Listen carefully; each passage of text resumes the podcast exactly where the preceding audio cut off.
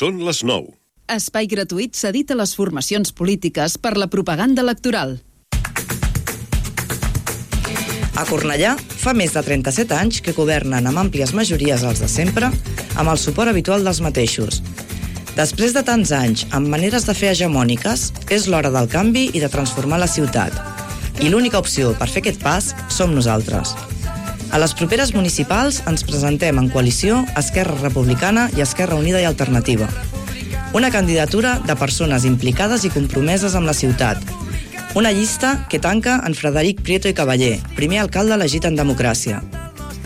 Volem construir majories democràtiques, progressistes i republicanes a l'Ajuntament, des de la suma de les esquerres. Per una ciutat de tothom i per a tothom. Una ciutat feminista, cohesionada, solidària i sostenible. El proper 28 de maig, per Cornellà, més esquerra. terra que més estimes, tu també és convidat. Som terra d'acollida, no podem oblidar.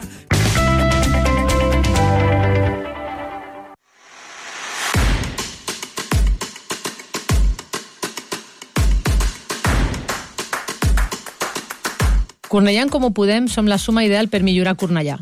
Sumem per fer un municipi més obert i participatiu, més verd i sostenible, més feminista, més cohesionat socialment i amb oportunitats de formació al llarg de tota la vida.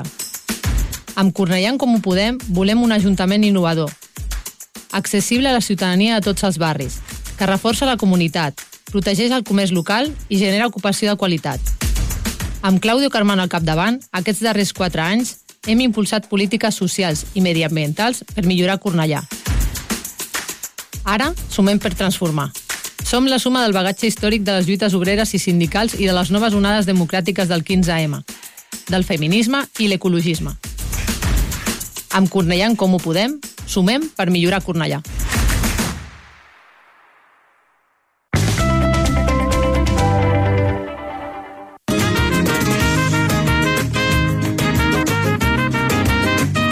Integritat, honestedat i passió són els valors d'Antonio Balmont. Sentir Cornellà és el seu full de ruta per compartir el futur. Sentir Cornellà, sentir el seu talent, solidaritat, fortaleses, empatia, potencialitats i il·lusions. Sentir Cornellà i fer-la prosperar. Sumant perquè ningú es quedi enrere. Tria futur, vota a Antonio Balmont. Y qué bueno volar, y qué bueno vivir, qué bueno cuando tú me miras y me dices que sí. Y qué bueno volar, y qué bueno vivir, y qué bueno, qué bueno, qué bueno, qué bueno.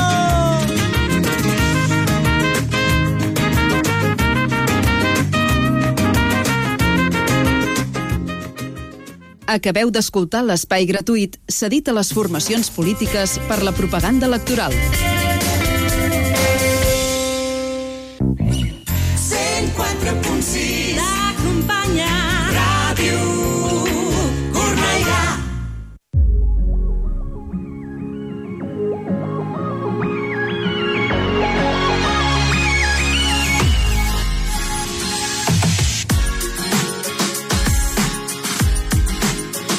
Ara comença Let's Go Creu Roja, mitja lluna roja i cristal roig, amb el patrocini de Conxeroria Montserrat.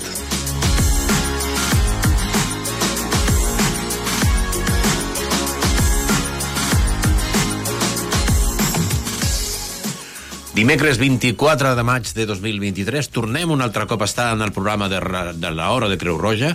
Tornem una altra vegada a estar ben acompanyats. Bona nit, Nora, Nora Bacari. Bona nit. Uh, Emilio Aguilar, bona nit. Bona nit.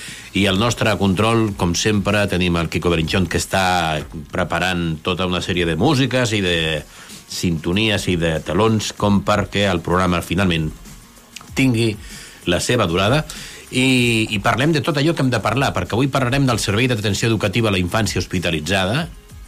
Ja veureu que és un servei molt peculiar i molt singular, adreçat precisament a la infància hospitalitzada. Creu Roja alerta de la normalització entre l'ansietat i l'insomni que front a la salut mental, que és un altre dels problemes que constantment tenim després de la pandèmia, com si podríem dir una conseqüència de la pandèmia, o almenys ens donem compte de que això està, està passant ara i que hi ha molta gent que està patint aquesta situació. Parlarem, o la nostra companya Mayalén Prieto ens parlarà d'immigració igual a delinqüència, una informació interessada, molt interessada, que no té res a veure, no té cap vincle, però en canvi hi ha molta gent que està molt interessats en que hi hagi un vincle entre una cosa i l'altra. Els Premis Tecnologia Humanitària pensats per ajudar les persones també seran el nucli d'una de les nostres notícies, que, en les que sempre, sempre Creu Roja porta a terme amb la tecnologia. A la secció lúdica tindrem les endivinalles d'Olga Giorgi, i el medi ambient, com desfer-nos de l'oli de cuinar, que és una de les qüestions que molta gent no coneix i que haurien d'intentar de conèixer com perquè el sistema de reciclatge i la cura del medi, del medi ambient sigui una realitat. Uh, una altra endivinalla, però geogràfica. Has de saber realment a on viatgem avui i, i dir-ho mitjançant un dels uh, telèfons que donarem per enviar un àudio o una nota de veu i donar la solució. I això significa tenir un preu, un premi de Creu Roja i tenir, tenir moltes més avantatges pel fet d'haver participat en el programa. Els errors més habituals de la higiene dental, la nostra companya Helen Rivero ens instruirà al respecte, i els sis aliments més habituals que fan o provoquen la litosi, que ja sabeu que és aquell, aquella pudor, entre cometes, de, del, del mal alè degut a, o a bé a aliments o bé a altres qüestions que també comentarem en el programa. Són les 21 hores 6 minuts, estem al dia 24 de maig de 2023, com, com he dit al començament. Això són els titulars i ara parlem de primers auxilis, com sempre, amb Creu Roja. No te imaginas lo valioso que es un gesto en tu empresa. Una sonrisa que motiva, una señal de ok que orienta, una compresión en el pecho que recupera una parada cardiorrespiratoria. Enseña a tu equipo los gestos más valiosos. Infórmate y contrata cursos de primeros auxilios para empresas en cruzroja.es o en el 902 22 22 92. Aprende a salvar vidas. Sabies que els i les nenes hospitalitzades continuen anant a l'escola perquè hi ha docents als centres hospitalaris? Passar un període de malaltia en una habitació és dur, per la qual cosa és fonamental que els menors puguin oblidar per un moment que estan malalts. La seva continuïtat escolar i rendiment acadèmic també s'aconsegueixen des de l'hospital. A la Creu Roja de Ceuta això és possible a través de dos dels seus projectes amb més èxit, com són el Servei d'Atenció Educativa a la Infància Hospitalitzada i el Servei d'Atenció Domiciliària Educativa. Tots dos duts a terme amb infància hospitalitzada o convalescent en els seus propis domicilis i on professorat de la Creu Roja es desplaça o al domicili o a l'hospital a atendre el menor malalt una iniciativa que es va reprendre el mes de desembre passat i que permet que tant els nens i nenes hospitalitzades com també la infància que per problemes de salut es troben als seus domicilis i no poden anar a casa portin els seus estudis al dia. Sandra Mora és mestra i responsable del projecte Servei d'Atenció Educativa en Infància Hospitalitzada de Creu Roja Ceuta, que pretén donar continuïtat a l'ensenyament i que els menors s'abadeixin de l'entorn hospitalari que els envolta. L'alumnat que roman tan hospitalitzat com en el domicili es considera que està en una situació de desavantatge dins del sistema educatiu. La seva rutina diària es trenca respecte a les classes de referència i els centres educatius no poden atendre aquests nens que estan malalts, afirma. La seva tasca, precisament, consisteix a coordinar-se amb cada centre i amb el professorat per adaptar un programa individualitzat per a cadascun d'aquests nens i nenes per tal que segueixin el seu procés d'aprenentatge. Amb dues iniciatives van adreçades a nens, nenes i adolescents de 0 a 18 anys, amb alguna malaltia o que es troben convalescents al seu domicili o al llit d'un hospital. Un treball que anualment es du a terme amb 30 centres educatius de Ceuta, 17 centres públics, 6 concertats, 6 instituts d'educació secundària i batxillerat i un d'educació especial. Hem arribat a treballar al costat de 160 nens i nenes en el període del projecte, que sol durar uns 9 mesos, ja que es concentra en el calendari escolar. Al matí de 9 a 10, l'equip de Creu Roja passa per cada centre escolar per recollir els deures i tasques i parlar amb tutors o professors. La resta del matí, igual que l'horari de qualsevol col·legi, els nens i nenes ingressats a l'hospital fan les seves activitats acompanyats pel personal de l'organització.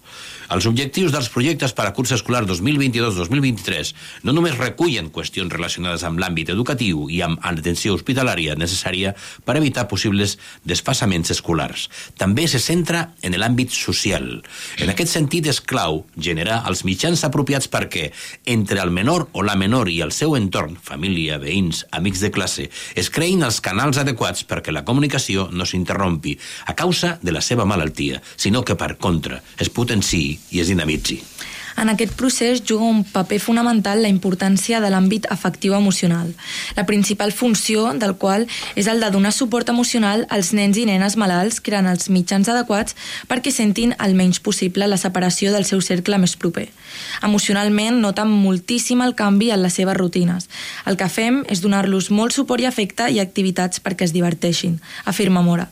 Subratlla la importància de la presència dels seus vincles afectius, dels seus amics i amigues de l'escola, a través de les activitats fem que continuïn en contacte amb els seus companys i companyes per tal que no sentin una interrupció en la seva vida a causa de la malaltia.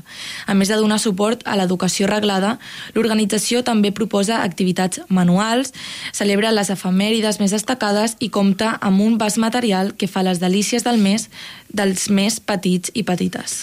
El grau de satisfacció és espectacular, perquè fa als centres educatius ja no només són projectes bons, sinó que són totalment necessaris, afirma Mora. Finalment, recalca la fantàstica coordinació amb la direcció dels diferents centres, que és fonamental perquè el procés continuï endavant.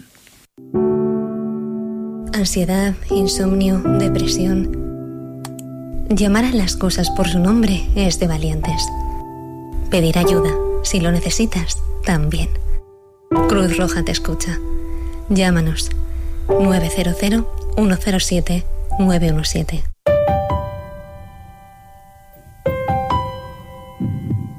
Se cumplen tres años de la puesta en marcha del servicio de apoyo psicosocial Cruz Roja Te Escucha, que ha evolucionado especialmente de su atención a la pospandemia, a los problemas de ansiedad o bajo el estado de ánimo de la vida cotidiana.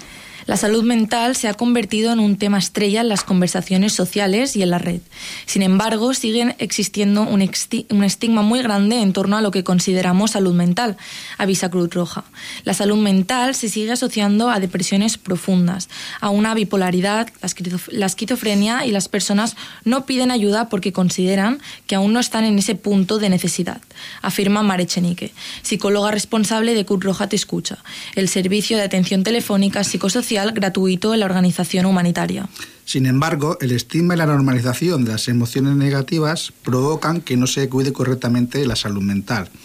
Normalizamos el hecho de tener ansiedad en nuestro día a día o que no dormimos porque tenemos pendiente un determinado proyecto que no nos preocupa o nos intentamos autoconvencer de que solo es una racha y todo va a pasar. Sin embargo, estos ya son síntomas más que suficientes para activar nuestro mecanismo de defensa y autocuidado ya que no hay que estar muy mal para pedir ayuda. La mayoría de la gente que nos llama debería haber llamado antes. Si lo hubiera hecho, al menos con dos o tres meses de antelación, no hubieran necesitado una ayuda especializada de segundo nivel, ni habrían caído en la desesperanza o en un bloque negativo. Comenta la psicóloga Patricia Morales del equipo interterritorial de Cruz Roja. Te escucha. Precisamente la labor de las personas voluntarias que atienden el 900-107-917, el 900-107-917, el teléfono de Cruz Roja Te Escucha es dar herramientas para afrontar todas las situaciones que van desde los problemas cotidianos del día a día hasta la atención especializada. Es un servicio que nada tiene que ver con los trastornos mentales, ni que va a acabar con medicación o seguimiento psiquiátrico en la mayoría de los casos. Aquí hablamos de problemas adaptativos que afectan al estado de ánimo, los problemas de la familia con el trabajo ante un cambio que afecta los que nos causan el estrés, la incertidumbre o la tristeza. Y eso no significa necesariamente estar en depresión o ansiedad para tener que llamar, señala Patricia Morales. El denominado malestar emocional es más que suficiente para acudir a la atención psicosocial de recursos como Cruz Roja Te Escucha, que nació en plena pandemia hace tres años con el objetivo de dar soporte emocional a las personas que especialmente pasaban por un proceso de duelo, en muchos casos en soledad o en la distancia, pero que ha evolucionado de manera natural durante este tiempo hasta recibir en su mayoría llamadas de rupturas de pareja, pérdida de empleo o problemas de la vida cotidiana, donde sigue existiendo el duelo, pero en menor medida. Las cargas familiares y las labores son probablemente los temas más recurrentes.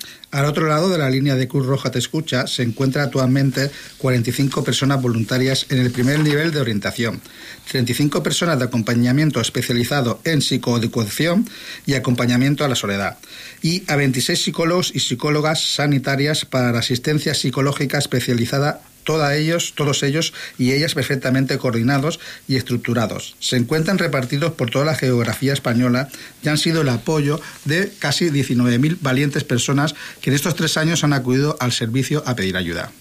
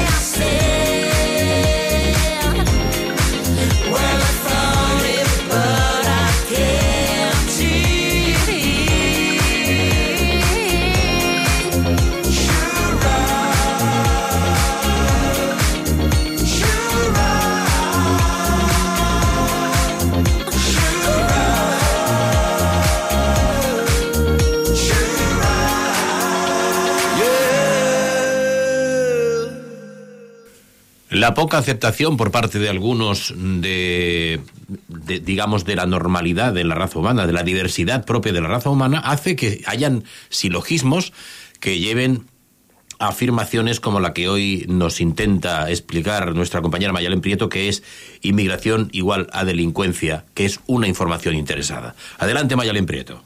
Hoy intentaremos hacer una pequeña, pero al mismo tiempo profunda reflexión. ¿Inmigración y delincuencia? Hagamos un pensamiento. En principio, analizaremos el concepto de racialización para centrarnos un poco en el tema.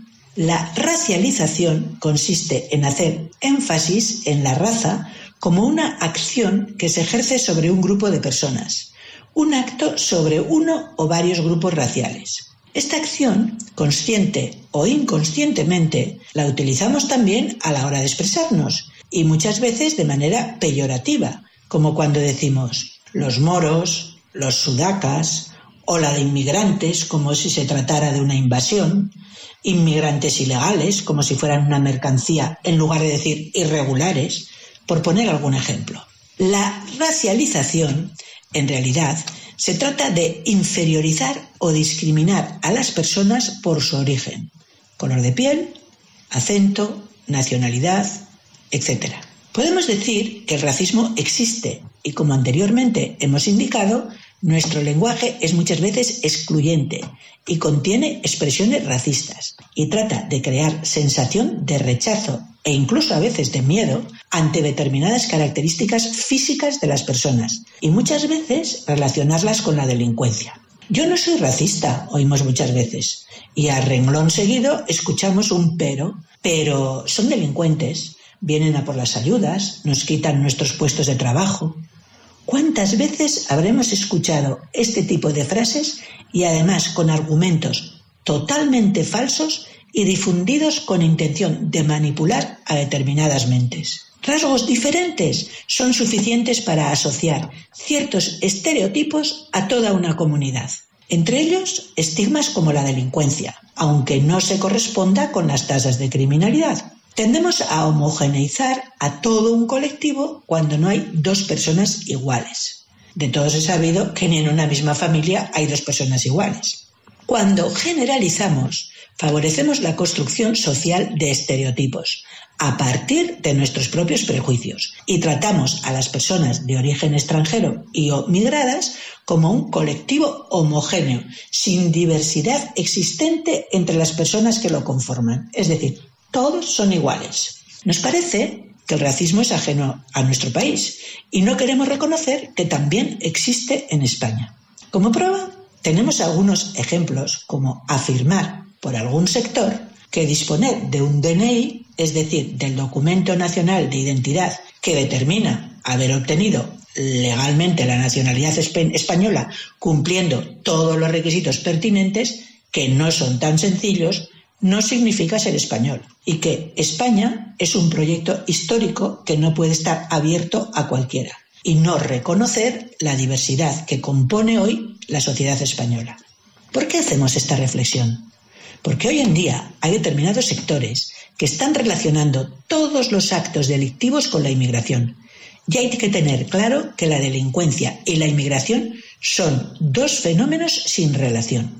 Veremos también cómo se provoca en la opinión pública una sensación de intranquilidad para, a renglón seguido, aparecer como abanderado de la lucha contra ella.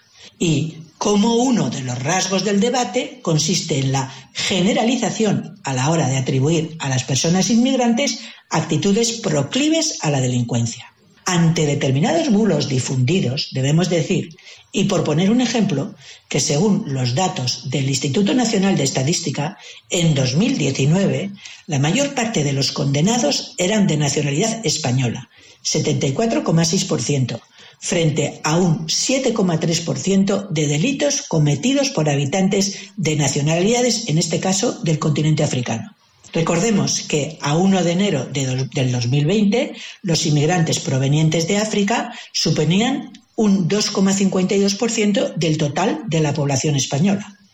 Hay que ir siempre a las fuentes fiables antes de formarnos opiniones falsas por bulos transmitidos y hoy en día se están emitiendo bastantes, simplemente por defender determinados intereses.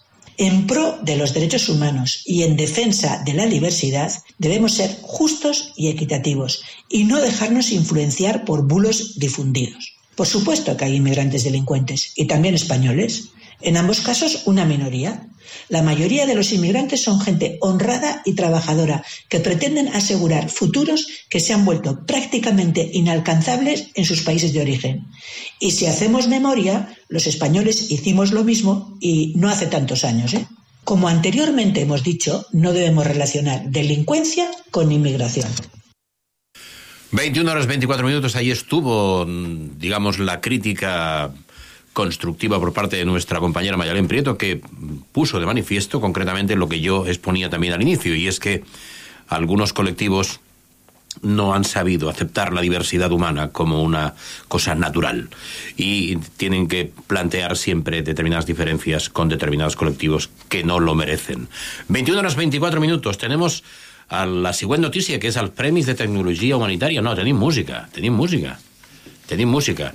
Ara jo anava jo ja a acabar pràcticament el programa. Doncs no, no tenim cançó. Tenim una cançó de Pablo López, L'enemic, es diu. Sota de l'ombra gris d'una muntanya fa vent sense permís d'un altre riu alimentant el monstre de la ràbia l'enemic és qui ve la teva terra profanada. Pitja la ciutat sense permís. Qui traurà del carrer les teves coses, l'enemic és... Si aquests idiotes sabessin que jo sóc l'home més ric de la terra així, dins les teves abraçades, oblidaven que l'home no és més que un home i les teves mans de bandera que tinc com frontera una cançó.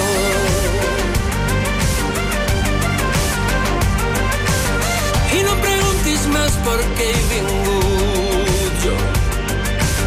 Pregunta tu millor què fas aquí amb mi.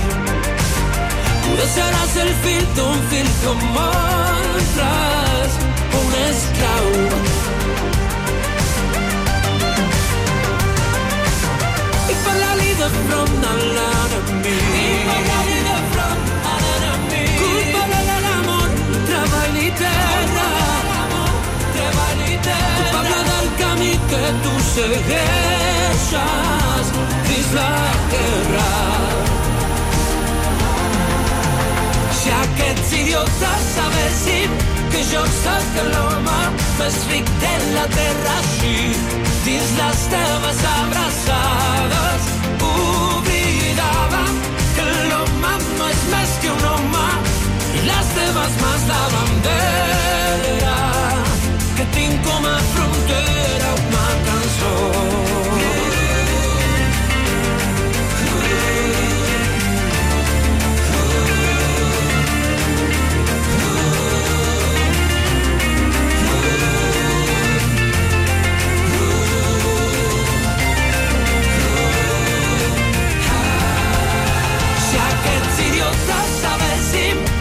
que jo sóc l'home més ric de la terra així, dins les teves abraçades, oblidàvem que l'home no és més que un home i les teves mans de bandera que tinc com a frontera una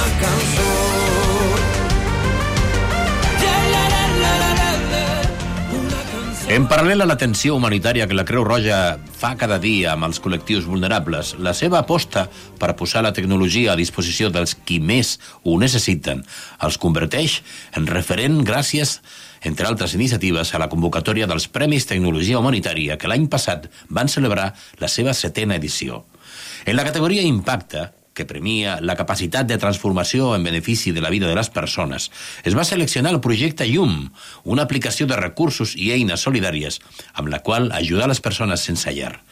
En la categoria Impuls, que valora la potencial escalabilitat del projecte a altres àmbits i col·lectius, es va escollir VisualFi, un sistema per traduir els sons en un altre tipus de senyals reconeixible per les persones sordes, capaç d'adaptar les ciutats a les seves necessitats, mentre que la categoria Creu Roja, que premia els treballs presentats per equips de la mateixa organització, dona com a guanyadors els responsables de, Solferino Academy, com reconeixement als seus diferents projectes per impulsar i donar suport a la innovació i el canvi al món.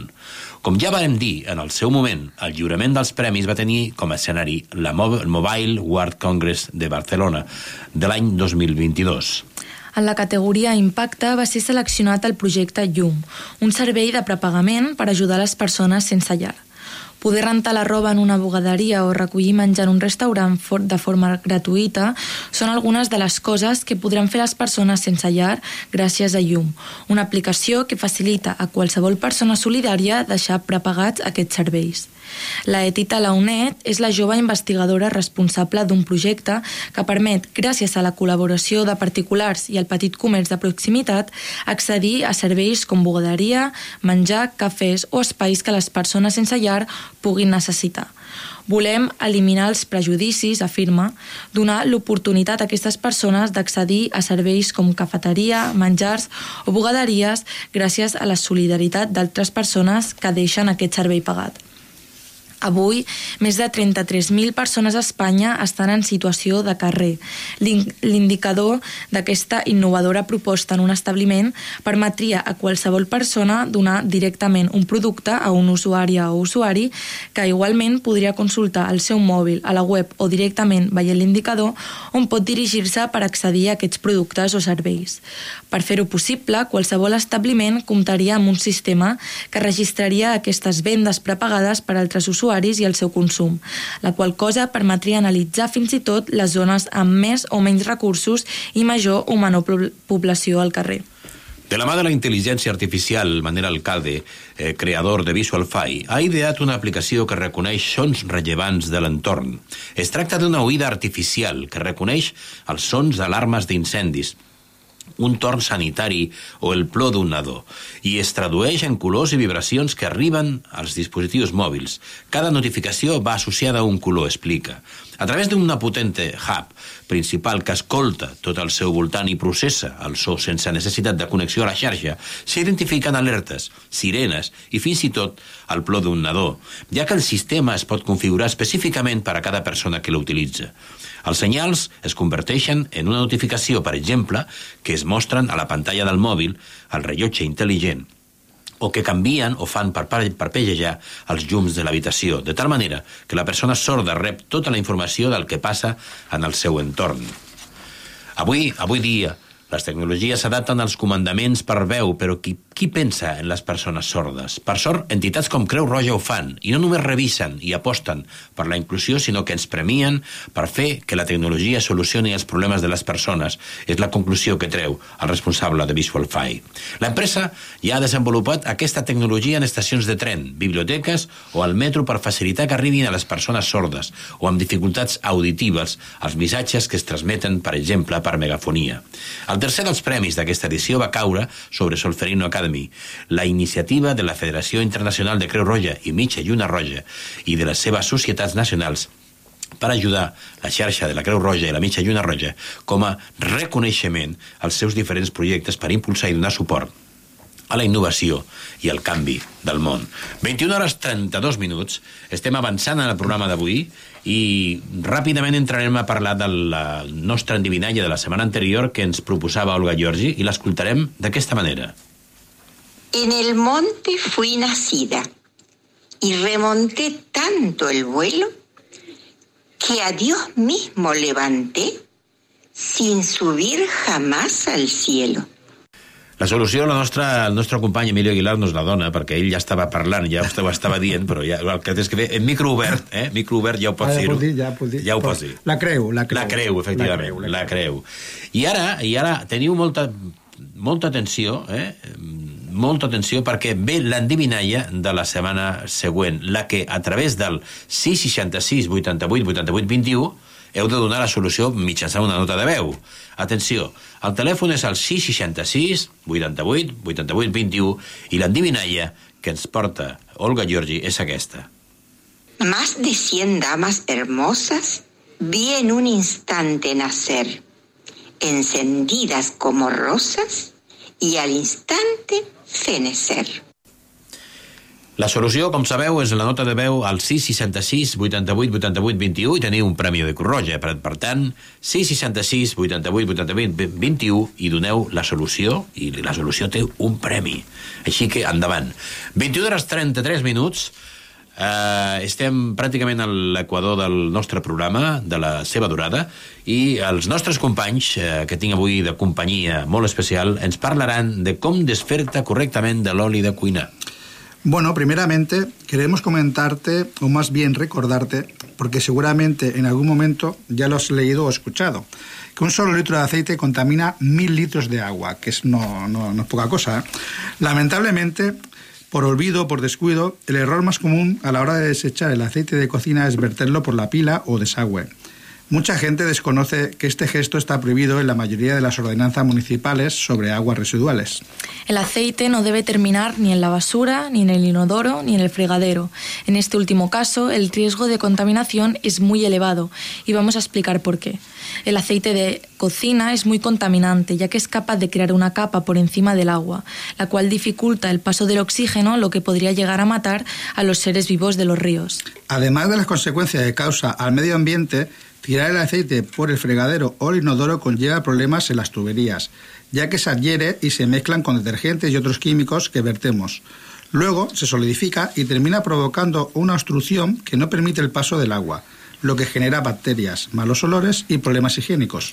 Por lo mencionado anteriormente, es importante que sepas que las depuradoras pueden limpiar el agua de los objetos sólidos, pero no los líquidos, por lo que el aceite vertido a la red de saneamiento aumenta los costes de depuración del agua. Todo el aceite que llega a las depuradoras aumenta la demanda química de oxígeno de las aguas residuales, es decir, eleva considerablemente el nivel de contaminación. Esto obliga a las depuradoras a realizar un trabajo extra para el tratamiento de las aguas residuales. Si no solías desechar correctamente el aceite, te preguntarás, ¿qué hago con el aceite que tengo en casa? Pues mira, actualmente existen empresas de recogida de aceites usados de cocina o puedes llevarlos a puntos de recogida quienes se dedican a desecharlos correctamente. Si decides llevarlos a un punto de reciclaje, recuerda que debes dejarlos enfriar y colocar antes de depositarlo en el envaso o en las botellas de plástico vacías. Otra alternativa es solidificarlo aplicando un producto químico que convierte el aceite líquido en una pastilla sólida mediante una serie de reacciones. En el caso de que ninguna de estas opciones esté a tu alcance y estés desesperado o desesperada, en ocasiones muy puntuales puedes depositar tus botellas de aceite en el contenedor destinado a la basura orgánica, muy importante, nunca en el contenedor amarillo para envases. Con eso resolvimos las dudas de qué hacer con el aceite de cocina. Nuestros compañeros nos han ilustrado respecto de lo que hay que hacer. Una, un sistema de reciclado mm, que no es nada difícil, simplemente hay que tenerlo muy presente a la hora de deshacerse del aceite. Nosotros tenemos el, la siguiente sección que es nuestra compañera Mayalén Prieto que nos lleva de viaje por una parte de la geografía y nos habla, la semana anterior nos hablaba de, de este punto geográfico. Hoy os vamos a llevar a un lugar que es muy importante dentro de la historia de Cataluña. Para llegar a este lugar se puede ir a través de una ruta que va desde Sant Boi de Llobregat siguiendo el camino natural de l'Anell Verd, que recorre varios ambientes por la ribera del río Llobregat. Siguiendo el camino se llega a una pequeña colonia obrera considerada uno de los conjuntos modernistas y atractivos turísticos más importantes de Cataluña. Allí podéis visitar una famosa cripta, la Torre de Salvana y también un castillo en ruinas con una torre de defensa del siglo X. Para aquellos que les guste caminar, es una salida de lo más interesante. A ver quién es capaz de adivinar de qué lugar se trata y llame al teléfono que se os indicará. Os damos unas pistas muy evidentes. Seguro, seguro que nuestro compañero Emilio Aguilar sabe de qué se trata y es el, el valiente que lo va a decir. Hemos ido muchas veces, sí, sí, sí. En la colonia Güell. La, la colonia Güell, efectivamente, una cripta, sí, sí. está cerca de, del río Llobregat, etcétera, etcétera. Y ahora vamos, vamos a un punto geográfico más septentrional. Nos dice, nos lleva nuestra compañera y nos dice que es ese punto. Hoy os vamos a llevar a las más completas e interesantes ruinas de la antigüedad en la península ibérica. Datan del siglo V Cristo y las encontramos aquí en Cataluña. Son de origen griego y se fundaron en el año 575 a.C.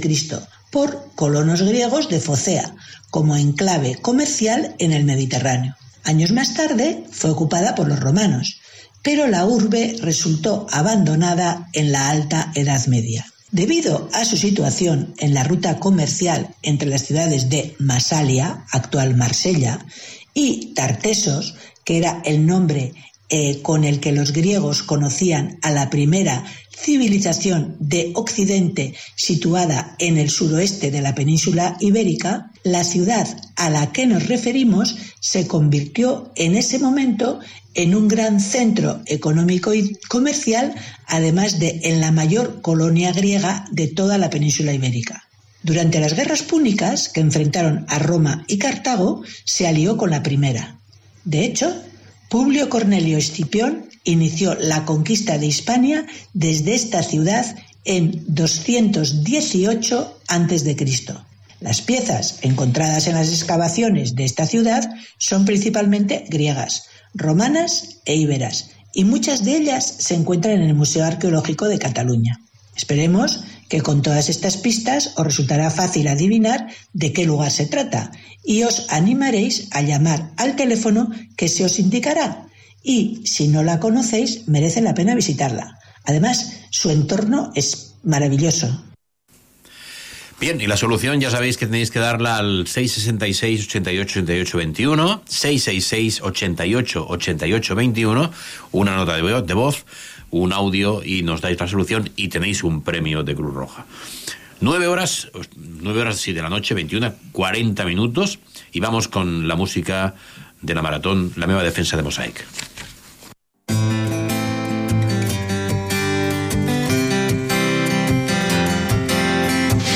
Creia saber què és el dolor. Ningú m'havia fet sentir pitjor. Amb les paraules pots fer mal. Però he decidit que no vull fer-te cas. Ara pot semblar que tot s'enfonsa. I t'asseguro que jo me'n sortiré. Quan la nit sembla que és més fosca respiro. Em veus lluitant aquesta guerra. Sempre amb els peus a terra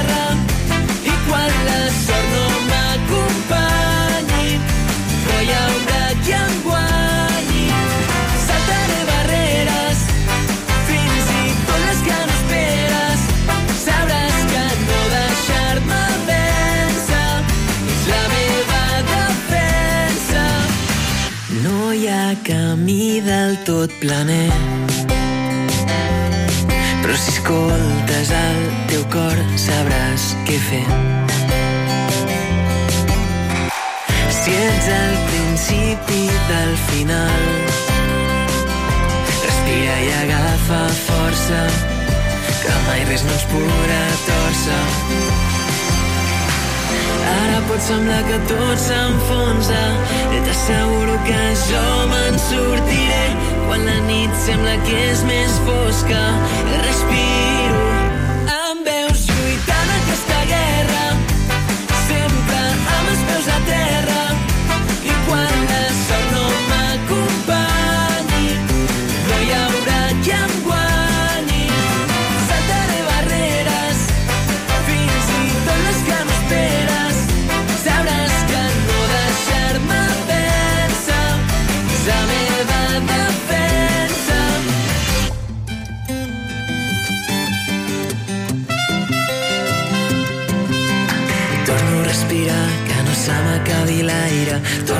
respirar que avui veu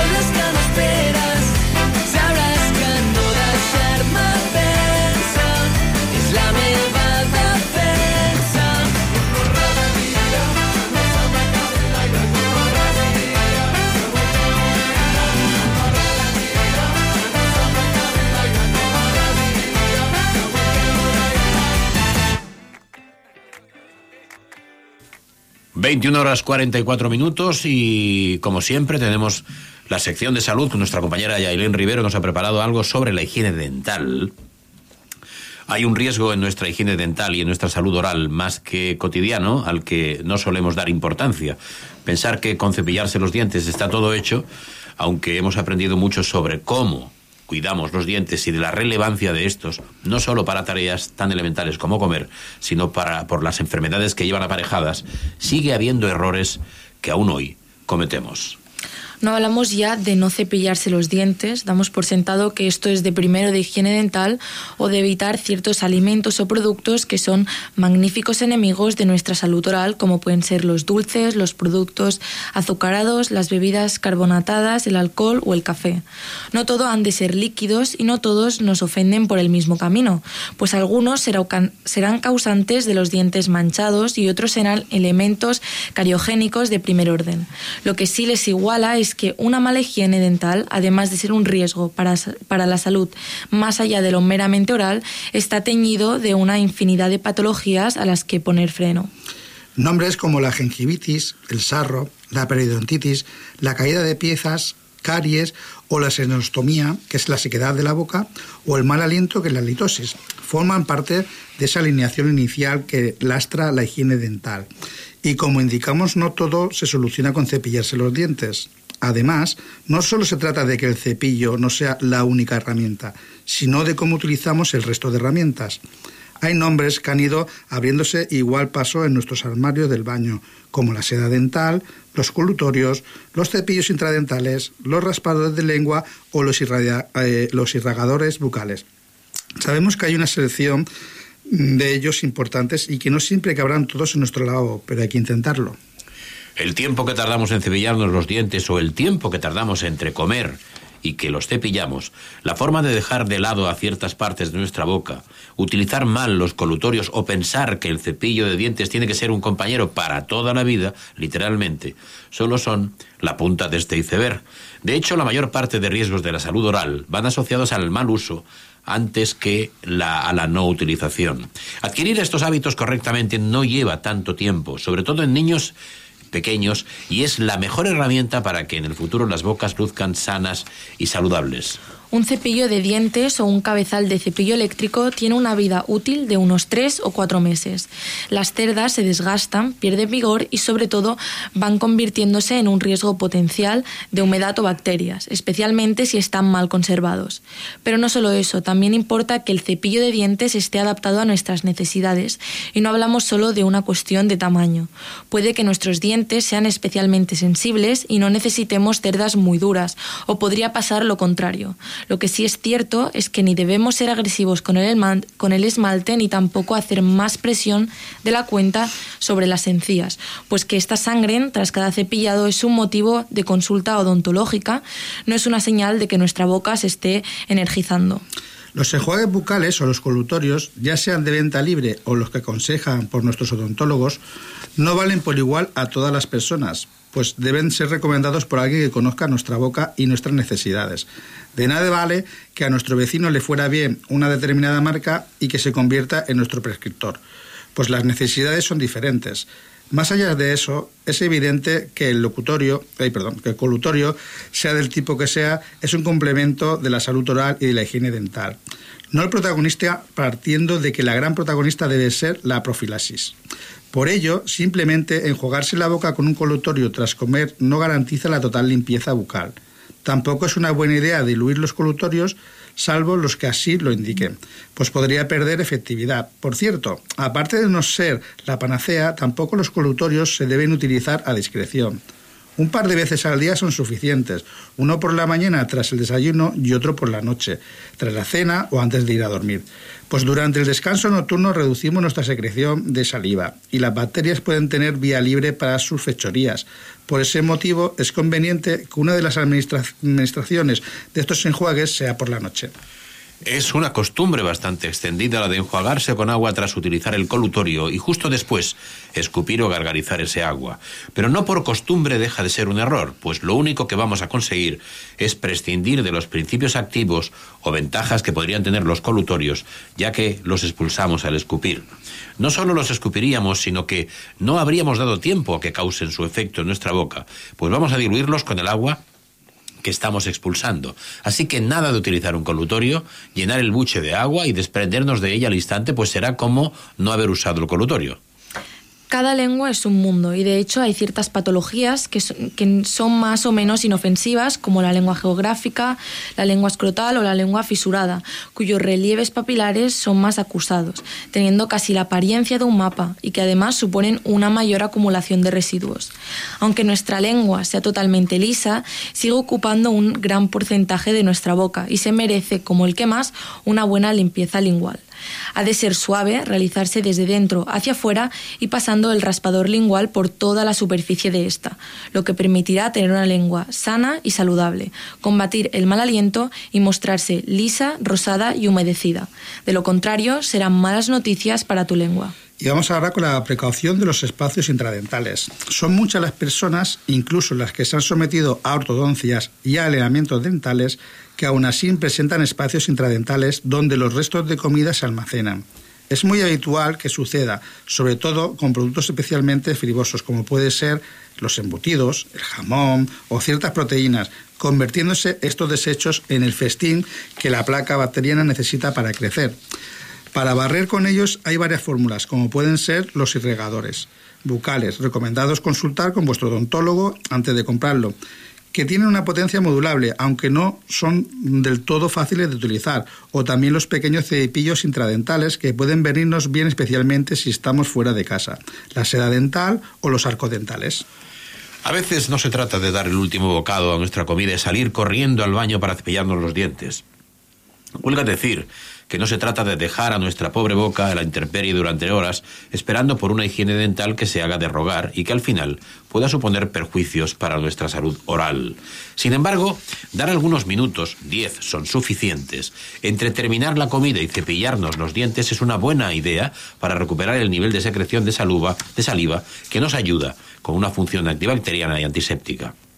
Además, si hemos consumido productos especialmente ácidos, es conveniente enjuagar la boca con un poco de agua para limpiar su presencia. De lo contrario, corremos el riesgo de extendernos por la superficie dental y dañar el esmalte por el poder abrasivo y erosivo que tienen.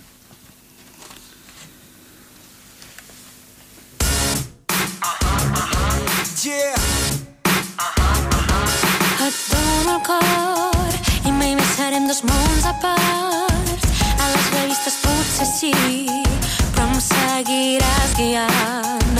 Perquè a l'obscuritat no veus mai res brillar i em pots necessitar. Saps que amb mi pots comptar.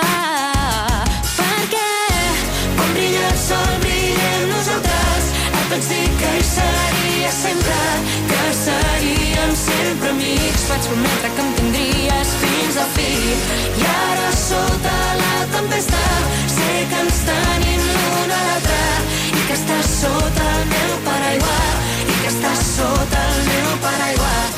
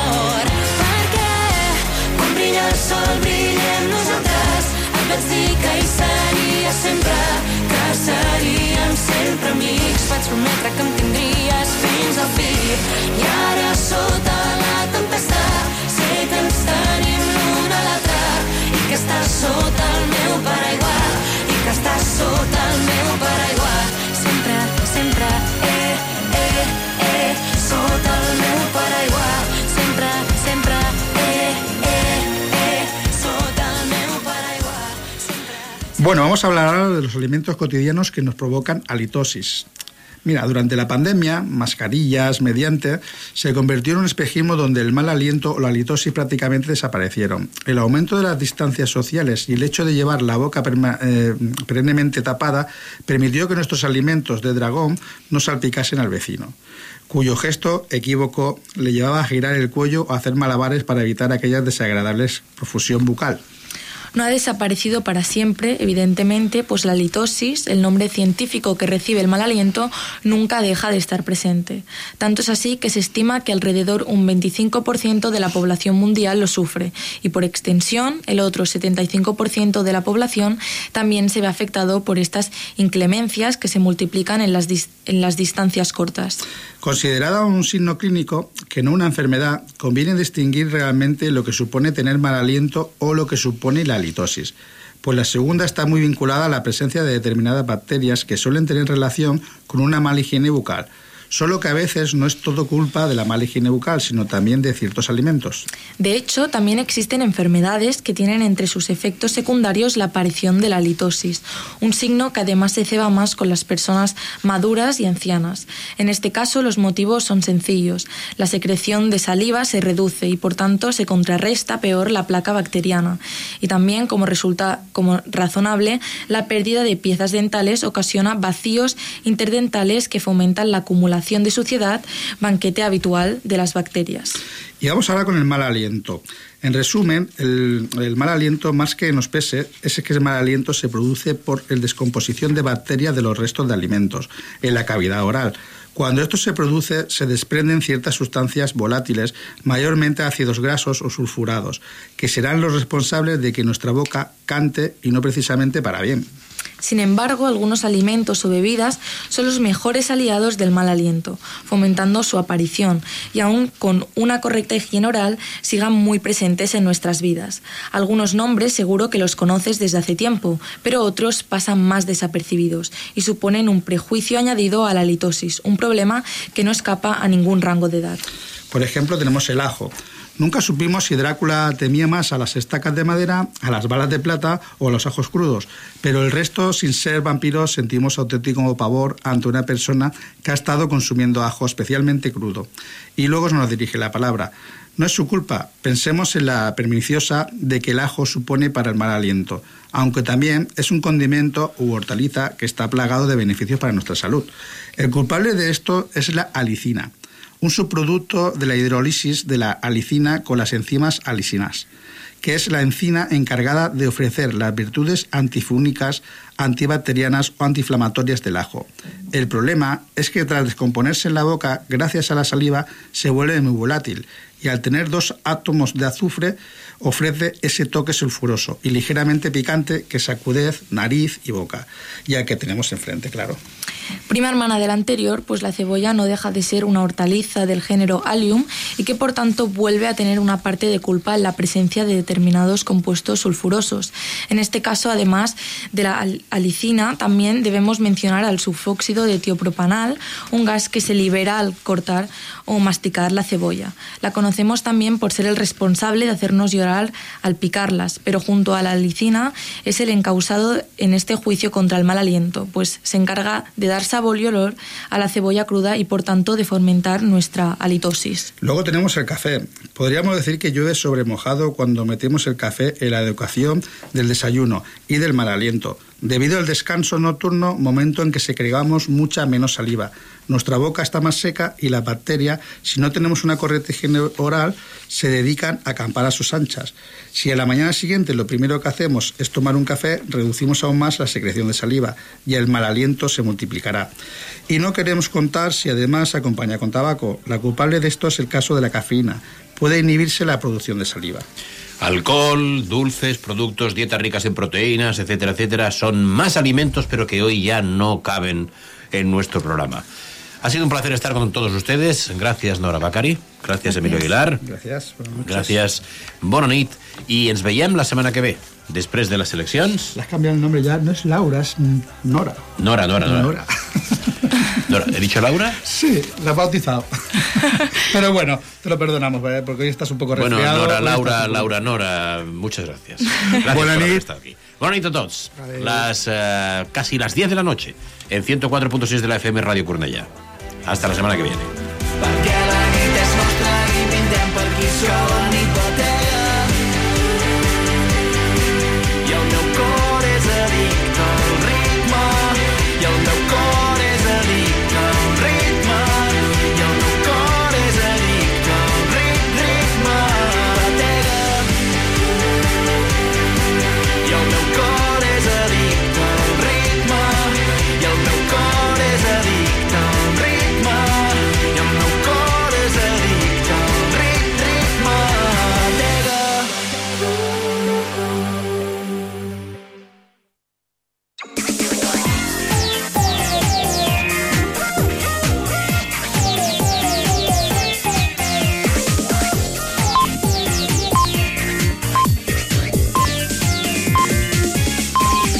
Són les 10.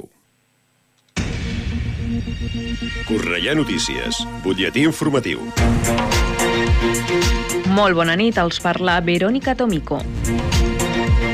L'Oficina del Consumidor de la Diputació de Barcelona recomana reduir el consum energètic